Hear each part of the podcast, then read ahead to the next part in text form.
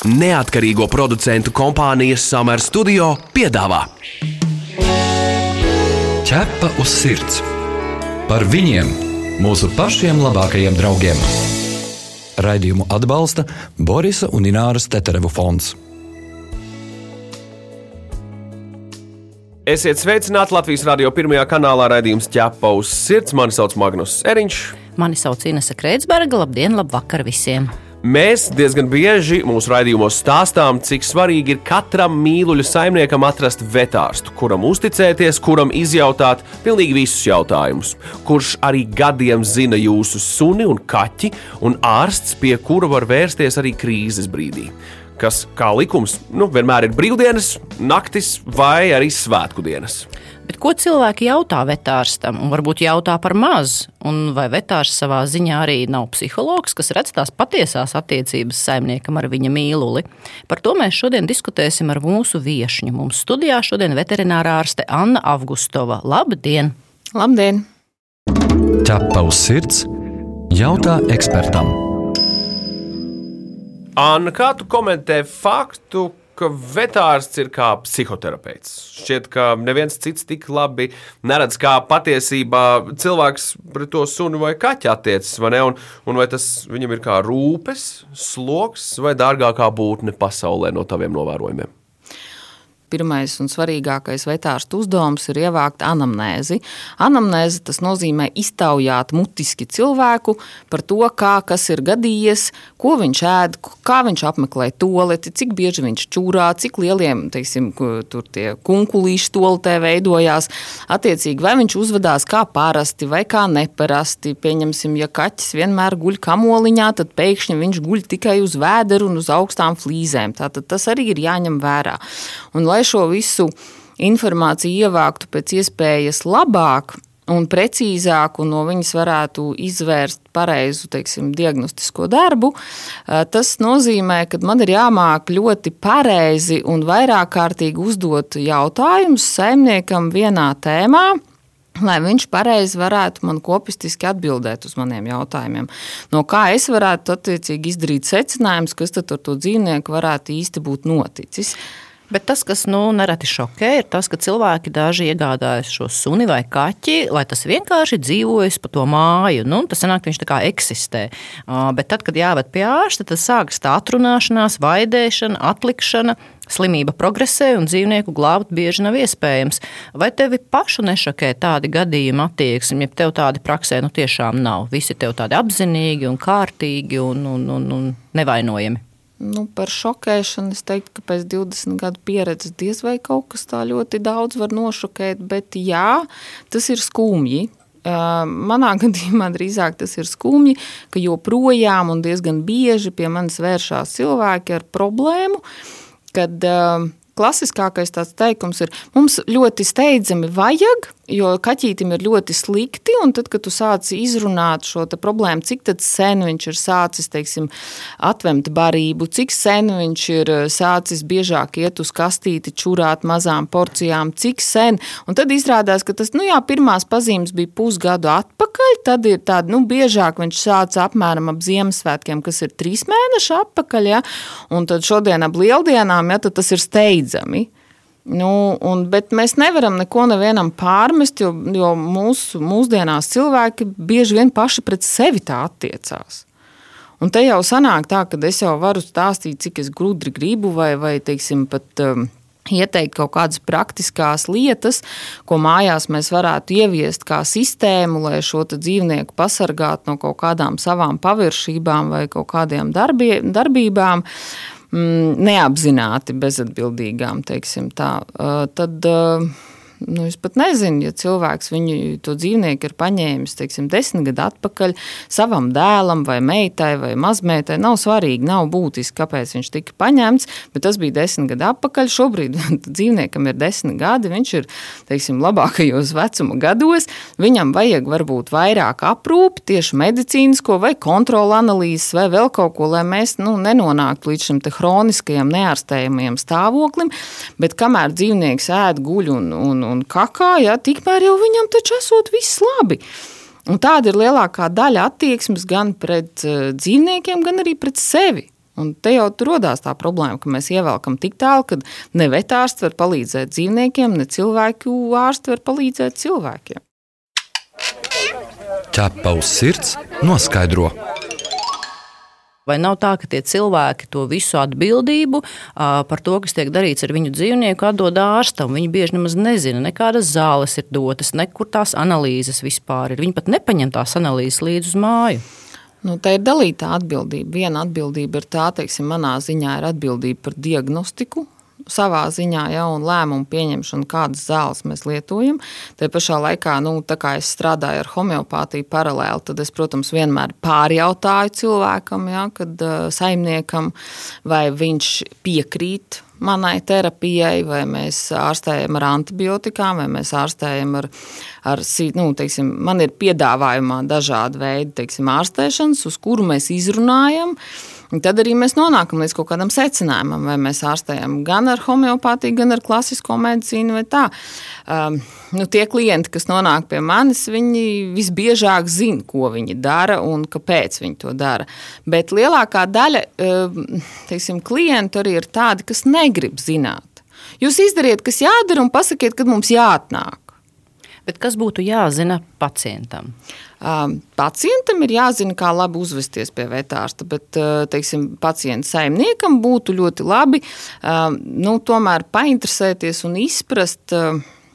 Šī ārstēšanas un diagnostikas procesu, jo, jo kāpēc mums vajag to rengenu vai kāpēc mums vajag tās analīzes. Um, nu, jo viņš tomēr par to maksā, un tas arī ir viņa īpašums.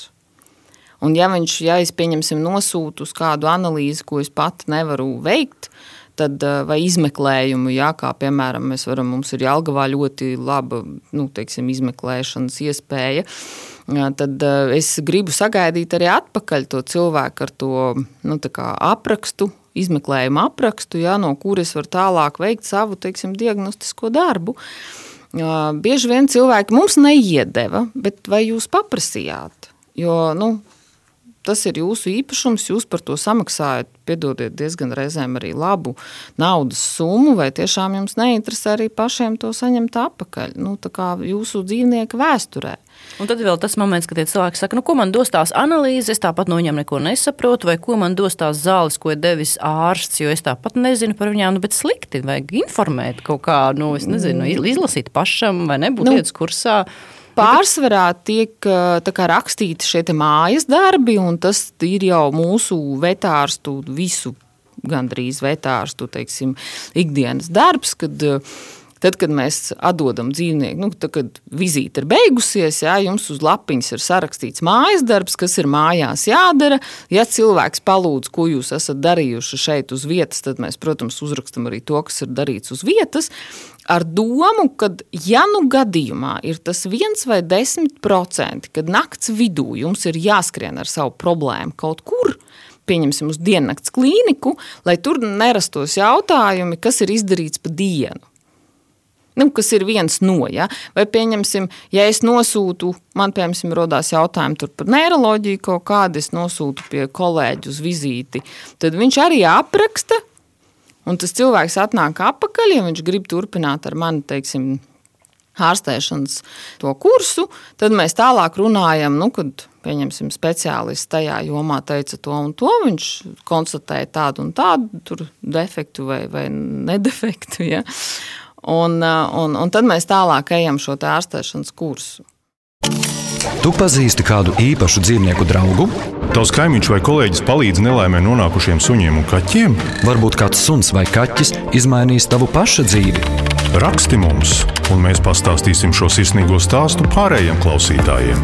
Iedrošināsim arī citus izdarīt kādu labu darbu. Gaidām jūsu vēstuli uz info atķepa uz sirds LV. Vēl būtu interesants tavs viedoklis par to, kā rodas slimības, kuras cilvēki grib, lai to ārstē viņu dzīvniekam. Es lasīju pētījumu, kurā atklājies, ka saimniekam un viņa dzīvniekam bieži ir identiskas veselības likstas. Mm, piemēram, nieru problēmas, sirds vai urīnceļu slimība. Bija minēts pat gadījums, kad kaķim tika atklāta spondiloze tad sprandas problēma. Un laiks tas bija tas pats, kad ar šo pašu problēmu cīnījās pati saimniece. Vai tā ir sakritība, likumsakarība? Un kurš tad kuram iedod to vainu, jeb nospoguļo? Tur savā ziņā var runāt par kaut kādiem biorezonances eh, stāstiem, jā, vai arī enerģētiskajām apmaiņām. Um, jo dzīvniekam uh, dzīvojot ar konkrētu cilvēku, sevišķi, viņiem veidojās kaut kāda nu, emocionālā piesaiste, kā mēs to reizēm saucam, kad uh, dzīvnieks izvēlās visā mājā vienu saimnieku, ja, vai arī nu, vairākus, bet tuvāk ir kaut kam. Uh, kādam no, no šīm mājas iedzīvotājiem, tad jā, es varu teikt, praksē arī ir novērots, kad es esmu atļāvusies pajautāt, vai jums mājās kāds neslimo ar onkoloģiju. Vai, eh, nu, jo mēs nonākam arī bieži vien teiksim, kaut kādā diagnozes tādā strupceļā, Jo pie manis atnāk nu, teiksim, cilvēki, kuri tur kaut ko meklē, meklē, nevar atrast, bet dzīvniekam joprojām ir slikti. Tad mēs mēģinām meklēt no visādām citām pusēm, kuras vēl nav izmeklētas. Ja? Vai vienkārši mēģināt izrunāt, kur varētu būt tas klupšanas akmens. Tad, jā, tad ir bijis tā, ka. Nu, Pieņemsim, kā viens no gadījumiem bija, kad tieši kaķim bija mm, kaulu audzējs trešais, ceturtais kakls kriemelis, un es prasu, vai saimniekam, vai kādam mājās nav onkoloģija, un saimnieks tā dīvaini uz mani paskatās un saka, nu, kad, jā, kad viņš pats iet šobrīd šo te radiācijas kursu, es pat neprast, es neuzdrošinājos tālāk jautāt precīzākas ziņas par to, par to saimnieku, bet, eh, nu, tā kā, jā. Un, bet tad uzreiz tas... jautājums tavuprāt, kurš bijis iesākums? Nu, saprot, tas tā kā vistava jola jautājums, jā. Nu, es vairāk noslēdzos uz to, ka cilvēks ir vairāk piesārņots, cilvēks ir drusciņš varbūt eh, nu, spēcīgāks eh, kaut kādās jomās. Līdz ar to tas dzīvnieks varētu no viņa ņemt, nu, kā, varbūt pat atvieglot cilvēka dzīvi, paņemot kaut kādu daļu slimības uz sevi. Tad eh, sanāk tā, ka jo labāks kontakts saimniekam ar viņu dzīvnieku, jo tas dzīvniekam ir bīstamāk veselībai. Nu, bez maz vai loģiski spriežot, jā. jā jo, jo, jo pēc būtības, ja viņš sajūt saimnieku tik labi, ka nu, tad notiek tā iespējams tā potenciālā slimība pārnese. Bet vai tu tici tam, ka, ja dzīvnieks, piemēram, kaķis, bieži mēdz gulēt uz cilvēka tās ķermeņa daļas, kur ir problēma, tad tas dzīvnieks šo problēmu uzsūc sevī, bet tai pašā laikā var sanākt, ka tas dzīvnieks arī ātrāk nomirst. Ja pārāk daudz tiek uzsūkts, tā kā toksiski tas viss notiek. Kāds ir tavs skaidrojums? Nu, es laikam tik ļoti smalkās vibrācijās nebūšu lielākais speciālists, bet uh, visnotaļ droši vien ir jāpiekrīt, jo uh, Pirmkārt, ja dzīvnieks konkrēti guļ nevis vienkārši jums blakus, bet viņš mēģina un cenšas gulēt kaut kur uz konkrētas vietas, jo vairāk un biežāk tieši virsū, tuvāk un, un kaut kā bezmazliet apņemt, nezinu, roku kāju un, un tur ne, ne, neiet gulēt nekur citur. Nu, tad, jā, tad varētu aizdomāties par to, ka to vietu vajadzētu teiksim, pastiprināt, izmeklēt pašam saimniekam. Un pēc tam ir jāvēro, protams, arī dzīvnieks, nu, kā uz viņu tas atsaucās. Jo, piemēram, reizēm es esmu novērojis, ka suņiem vairāk teiksim, ir tā, ka, ja ir sievietei kaut kādas problēmas, nu, teiksim, sieviešu līnijā, ja, tad arī uh, kucēm var būt kaut kādas problēmas tur vai nu, ar, teiksim, palikšanu stāvoklī, vai ar dzemdībām, vai, vai vienkārši kaut kāda iekaisuma. Tādas likumsakarības arī ir bijušas praksē.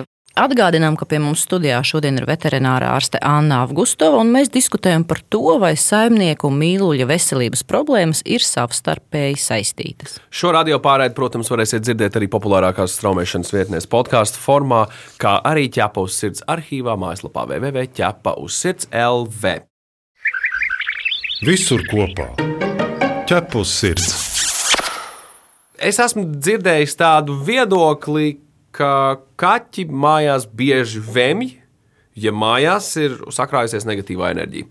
Tad kaķiem nu, tā toksiskā lieta rīktīgi nepatīk, nepatīk. Viņš savāc to visu un tad visu laiku vemj, vai ir arī kāds cits iemesls, kāpēc kaķis mājās var vemt? Nu.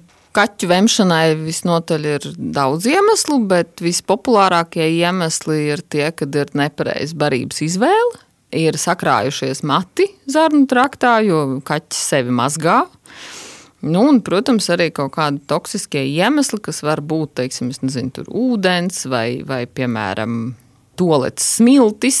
Tas ir tā netieši saistīts, jo viņi aiziet uz to lietu, viņi izbradā pa to lietu, tad viņš nomazgā savas ķepiņas un apēd šos pūderus, smaržvielas un ko tur vēl liek klāt, teiksim, to lietu tām smiltīm vai skaidām vai kas tur vēl vien ir. Bet tas būs uzkrājumam. Protams, arī viena no teiksim, veselības problēmām ir arī nieru mazspēja, pie kuras kaķi vēmj. Tāpat arī kaķiem ir stresa, stresa vēmšanas, starp citu. Ir daudz iemesli, bet vai tā būs tāda, nu, negatīvā enerģija? Nu, varbūt, ja viņas ir ļoti, ļoti daudz, kāpēc gan ne? Jo tas rada stresu. Piemēram, ja jūs dzīvojat kaut kādā trokšņainā, daudz dzīvokļu namā pie dzelzceļa, kaķim kaut kādā brīdī tas stresa uzkāpums varētu būt tik liels, ka viņam vienkārši vai nu rodās šie neiroloģiskie mm, stresa cistīti vai nu vemšanas. Kā dzīvnieks var signalizēt saimniekam, ka tam ir vajadzīga palīdzība? Nu, tas jautājums tāds, kā saimniekam nolasīt, to ķermeņa valodā, jo mēs jau bieži nu, cilvēki no savas prizmas skatāmies. Mēs bieži gaidām, ka, ja tev sāp, tad pateiksi, bet tas dzīvnieks jau pateikt nevar. Šeit droši vien, ka varbūt ar suņiem ir drusciņi vieglāk, jo suns klibos, suns negrib iet ārā, ja viņš negrib kaut ko darīt. Kaķi ziemas laikā daudz guļ, un tas tiek uzskatīts par normālu, nu tā ir normāla parādība. Un tad ir grūtāk, varbūt, nu, jo nu, viņš guļ un guļ, un viss ir labi. Nu, ir taču ziemā ārā putenis, nekas tur nenotiek, negribās spēlēties, ir slikti un guļ. Bet viens no, protams, kad mums ir jāskatās, kā viņš ēd, kā viņš spēlējās, kā viņam ir ikdienas procesi, vai viņam ir ikdienas rituāli mainījušies.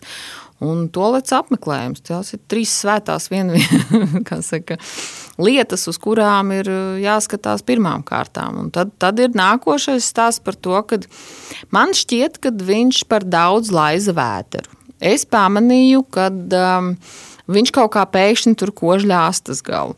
Es pamanīju, nu, tie ir tie labie vērotāji, saimnieki, kuri nu, teiksim, šķiet, ka nu, viņš atnāk, tu skaties uz to dzīvnieku, viņš ir vesels, bet saimniekam šķiet, ka ir problēma. Mēs nevaram viņu nu, kā, uz to nereaģēt nemaz, jo visticamāk kaut kāda slēpta problēmas sākums tur ir. Bet uz šodienu mēs to nevaram. Nu, tad mēs novienojamies par to, ka mēs vērojam to dzīvnieku, pamēģinām kaut ko viņa dzīvē pamainīt, paskatāmies, kā viņš uz to reaģē. Un, attiecīgi, tālāk būtu uz, uz sakariem, kas ir ļoti svarīgi vetārsta dzīvē, šī atsauce no klienta pēc tam. Nu, vismaz mēs klīnikā ļoti praktizējam to, ka uh, tad, kad jūs ejat mājās, jūs vienalga, kad kad jums ir jautājums, pat ja viss ir labi, lūdzu piezvaniet un pasakiet. Ja es nevarēšu pacelt, noteikti kāds atzvanīs. No atpakaļsaite elementā. Jā, ir jābūt atpakaļsaitē. Un, un, un tad arī būs tas, tas, ka mēs iemācāmies saka, ilgtermiņā, kopistiski sadarboties. Tad arī izveidojās, kad mēs atpazīstam savu vetārstu. Mēs zinām, ko mums dod, un mēs zinām, kad mēs jūtamies drošībā, kad mēs vienmēr varam piezvanīt. Ķepa uz sirds, suņu būda. Mēs esam saņēmuši lērumu ar jautājumiem par to, kā sadzīvot ar mīluli, kad tas noveco. Jo loģiski, ka pret vecumu zāles nav izgudrotas. Bet kā uzlabot un paildzināt kopā būšanu? Nu, šeit ir tas teiksim, arī tas, kad ir jāvēro, ir jāuzlabo dzīves apstākļi. Piemēram, ja nu, vienalga vecam dzīvniekam veidojās kaut kādas locītavu problēmas, nu, nu, viņš visu mūžu ir gulējis dīvānā, nu, lūdzu, pielieciet kaut kādas, izdomājiet trepītas, lai viņam vieglāk ir uzkāpt. Bet viņš nekāpa tām trepēm. Kāpj? Dzīves piemērs. Noliek ķeblīti, man kaķis vienalga tur grabēdams slēdz. Nu, viņš nevar, pa, nevar normāli palikt, bet viņš nekāps uz tā ķeblīša. Tādā gadījumā ir jāmeklē cits ķeblītis. Ah, viņam vienkārši nepatīk mans ķeblītis. Jā, par cits. Jā. Jums ir, nu, ir jābūt uh, dažādas alternatīvas, kamēr jūs sasniedzat un jā. sarunājat Tieši ar to dzīvnieku. Vintāžas, uh, to antikvariātiešu. Jā. Labi, okay, tā tad uh, jānodrošina ir, teiksim, nu, vieglāka. Vieglāks dzīves apstākļi. Ir jānodrošina, droši vien, kad pieņemsim tie, tie dzīvnieki, kas ir visu mūžu gulējuši, teiksim, dzīvojuši ārā, nu, privāti mājās suņi, jā, tad jāmēģina viņam kaut kā paskaidrot tam sunim un pierādīt, ka gulēt uz madracīša vai uz koka dēļiem ir daudz veselīgāk un viņš jutīsies labāk nekā uz betona lieveņa. Ja, jo, piemēram, liels suns ar artrītu uz betona, viņš guļ tāpēc, ka tā ir viņa sargu vieta pie durvīm, nu, tad tur ir mums jāie, jāie, saka, jāiedarbina visa savu fantāziju, un mēs pazīstam savu dzīvnieku un jāmēģina viņu pierunāt, ka, nu, labāk guli uz salmu maisa vai uz koka dēļiem vai vēl kaut kā, bet lūdzu neguli uz šī betona. Tas nevienmēr, protams, izdodas. Tāpat arī, piemēram, laicīgi vest uz analīzēm, bet nevajag. Tur ir vienmēr jāizvērtē par tām profilaktiskajām analīzēm, cik mēs ar to nodaram stresu dzīvniekam. Jo, piemēram, ir kaķi, kuriem ir šausmīgs stress vispār iziet ārpus dzīvokļa. Un, un, ja mēs gribam izdarīt labi 12-gadīgam kaķim, kurš dzīvē nekur nav bijis, jo viņu pat vakcinēt ir braukuši mājās, mēs varam viņam nodarīt diezgan lielu kaitējumu ar šo labo gribu profilaktiski uztaisīt asins analīzes, aizvedot viņu pie vetārsta. Jo viņš būs pārstresojies tik ļoti, ka viņam varbūt nu, pavisam nejūtamā, nezinu, vecuma sirds mazspēja pēkšņi progresēs uz ļoti jūtamu. Tas viss ir. Nu, Nu, viss ir ļoti relatīvi, bet uh, tikai saimnieks jau pazīst savu dzīvnieku, un tikai viņš var patiesi izvērtēt īstenībā viņa stāvokli. Mēs jau varam tikai uzdot uzvedinošos jautājumus un palīdzēt viņam atrisināt. Un arī ārstēšanas gadījumā lielāko darbu patiesībā dara saimnieks, jo viņš vadā, viņš pareizi baro, viņš uh, seko līdzi tam, cik dzer, nedzer, kādas kustības, vai tur kādas procedūras, vai tur nu, visas brūču apkopšanas vai vēl kaut ko. Tas jau ir, nu, piedodiet, saimnieka mm, ziņā, jo nu, Vai nu arī pretējā gadījumā, tad, ja viņš grib atdot visu atbildību vetārstam, tad ir jāliek dzīvnieks stacionārā, slimnīcā. Kā, nu tad, jā, tad mēs varam uzņemties par visu šo procesu pilnīgu atbildību. Bet tā mums ir jāsadala darbi. Bet kā ikdienas, liet, ikdienas dzīvē, piemēram, ikdienas darbībās, homeopātija varbūt arī varētu būt kaut kas tāds, kā nezinu, nu, mēs cilvēki dzeram vitamīnus vai ne? Tur labākam miegam un kam tik vēl ne. Varbūt dzīvniekiem arī kaut ko vajag. Nu, noteikti arī dzīvniekiem vajag vitamīnus labākam, labākam teiksim, nu, dzīves kvalitātei. Jā, dzīves kvalitātei. Nu, protams, arī homeopātiskie daudz līdzekļi ir, pieņemsim, orgānu hronisko slimību gadījumos var uzturēt, jā, pieņemsim tās pašas sirds mazspējas, ja viņas ir pašos pirmsākumos, tad ļoti labi strādā un dzīvnieki ļoti diezgan ilgi nodzīvo.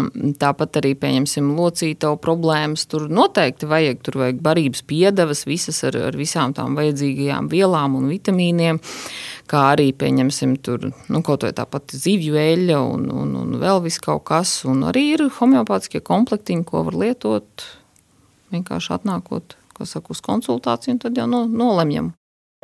Ķerpa uz sirds, diskutē. Ar kuriem dzīvniekiem ir visvieglāk sadarboties? Un tad jautājums, vai mīlulis tas dzīvnieks zina, ka viņu ārstē, viņš saprot? Ir dažādi, ir, ir dažādi šie pretstati. Viens gadījums ir tāds, ka dzīvniekam ir tik ļoti slikti, ka viņam ir vienalga, ko tur viņu dara tajā procedūras laikā, nu, tas ir vai viņam injicē injekcijas, vai mēra temperatūru, vai klausies, vai, vai vēl kaut kā. Un tad viņš atnāk trešajā vizītē, un tad jau viņš gatavs tevi apēst. Un, un, un, un viņš ir agresīvs, un man vairs neko nevajag, es visu varu pats ja, no sērijas. Un tad īstenībā man ir gandarījums. Jo tā tad viss ir no, no, no, noritējis pareizi. Ja. Viņš ir izvesaļojies vairāk vai mazāk, viņš jūtās labāk, un viņš ir atgriezies savā sākotnējā rakstura stāvoklī. Vai arī ir citi gadījumi, kad, pieņemsim, ja nāk uz kaut kādām tur. Nu, masāžu procedūrām, vai, vai, vai, vai vēl kaut kā viņš atnāk. Viņš atnāk vienreiz, viņam neko sliktu neizdara, bet nu, tā nepatīkam, bet pēc tam viņš jūtās tā kā labi, viņš sasaista to. Un tad, tad arī, tad, pieņemsim, tas vairāk uz suņiem, tad viņš pieļauj to procedūru, kaut kādu, nu, teiksim, procedūru daudzumu, ko mēs veicam, jo viņš saprot, ka pēc tam viņš jūtās labāk. Bet galvenā nostāja ir īstenībā saimniekā. Jo tad, kad um, saimnieks ar dzīvnieku ienāk pa durvīm, ilgstoši strādājošs vetārsts pilnīgi noteikti varētu nolasīt saimnieka bailes pēc dzīvnieku uzvedības. Jo tur radās tā dīvainā saikne, kad uh, cilvēks nāk pie veterinārā ārsta ar dzīvnieku, bet viņam ir iekšējas kaut kādas nu, vai nu neizpratnes, vai bailes, vai nu, mums ir visādi saka, emociju stāvokļi. Vai viņš, piemēram, arī baidās, ko viņam pateiks vetārs par to dzīvnieku. Ja? Un tad iedomājieties, dzīvnieks. Dzīvnieks saprot emocionālā līmenī, ka saimnieks baidās par dzīvnieku. Dzīvniekam tad ir jābaidās pašam par sevi un saimnieku. Un tad ir izvēle, vai mēs ieraujamies stūrītī un vienkārši aizmiedzam acis, un kas tagad būs, vai otrs variants, es uzreiz jūs visus apēdīšu, jo varbūt tad mēs izdzīvosim. Bet, labi, bet vai tam pašam sunim vai kaķim vajag izstāstīt, ka viņš tiks tagad vests pie doktora un ka viņa ārstēs, vai ar dzīvnieku vajag komunicēt? Tas jau sanāk tā no tāda cilvēka līmeņa, bet varbūt tomēr vajag. Nu, mēs ļoti daudz ko mums patīk cilvēciskot, bet ir novērojams ļoti vienkārši tad, kad saimnieks procedūras laikā mierīgā balsī runā ar dzīvnieku. Tas bieži vien nomierina. Vienalga, ko viņš stāstītu. Viņš stāstītu, ka mēs svētdien brauksim uz salkrastiem, tu varēsi izskrieties pie jūras. Galvenais, lai viņš to dara nu, tādā mierīgā, nestresēnā balsī. Anna, diezgan filozofisks jautājums tavā virzienā, sarunas finiša taisnē. Atbildi mēs lielā mērā zinām, bet, jā, diemžēl, ir arī tādi cilvēki, kas, nu, kas neuzdod šo jautājumu. Tas jautājums ir šāds: vai visiem cilvēkiem ir vajadzīgs mājdzīvnieks? Kāpēc, tavuprāt? Pārsvarā jau cilvēki izvēlās tiem, kuriem vajag, viņiem ir. Un tiem, kuriem nevajag, viņiem nav. Nē, nē, nē. dzīvnieks bieži ņem arī tie, kam tie galīgi nav vajadzīgi. Un tad jautājums, kad viņi nāk un grib, lai viņus eitanāzē pie tā paša vetārsta, pie tās pašas tevis. Mēs jau zinām, ka ir gadījumi, kad dzīvniekam nav veselības problēma, bet viņa eitanāzē, jo saimniekam vairs negribās. Un tad ir jautājums, vai tev ir nācies glābt dzīvnieku no viņa saimnieka vai atrunāt ņemt nākamo. Nu, ir bijuši gadījumi visādi, protams. Ir bijuši gadījumi tādi, kad paņem kucēnu un tur divu mēnešu laikā vai trīs mēnešu vecumā viņš atnāk piemēram, un paziņo, ka deitonizējiet, jo viņš ir agresīvs. Tad brīdī tas kucēns stāv priecīgi, luncinās, laizos un priecājās. Nu, tur ir, ir visādi. Mm, un tad, kad nu, mēģinām nonākt pie kaut kāda risinājuma, mūsu klīnikā principiāli neitenizē veselus, klīniski veselus dzīvniekus mēs nespējam to izdarīt. Nu, bet tev ir izdevies atrunāt, piemēram, to cilvēku ņemt nākamo. Nu, tu redzi, īstenībā nāk tas cilvēks, to dzīvnieku, bet tu redzi, ka īsti nu, viņam tas dzīvnieks nav vajadzīgs. Viņš nerūpējas par viņu pietiekami. Nu, man nav tiesības uzņemties tādu atbildību, vai tev vajag dzīvnieku vai nevajag dzīvnieku. Tā ir tevis, nu, es viņam varu pateikt, ka, nu, labi, nu, šo mēs varam kaut kā tur nu, labās sirds ietveros kaut kur atrast viņam mājas, jo jums tur ir kaut kādi iekšēji iemesli, kāpēc jūs viņu nevarat paturēt, bet eh, nu, pārliecināt par to, ka viņš neņems nākošo, nu, es domāju, ka nē. Nu, realitātē nē. Es, protams, cenšos un, un kaut ko tur, nu, bet es neticu, ka tur kaut kas aizcerās. Anna, vai ir kas tāds, ko tu vēlētos pateikt visiem mājdzīvnieku saimniekiem, ko tu gribi, lai viņi zinātu? Tieši tagad, tieši šobrīd.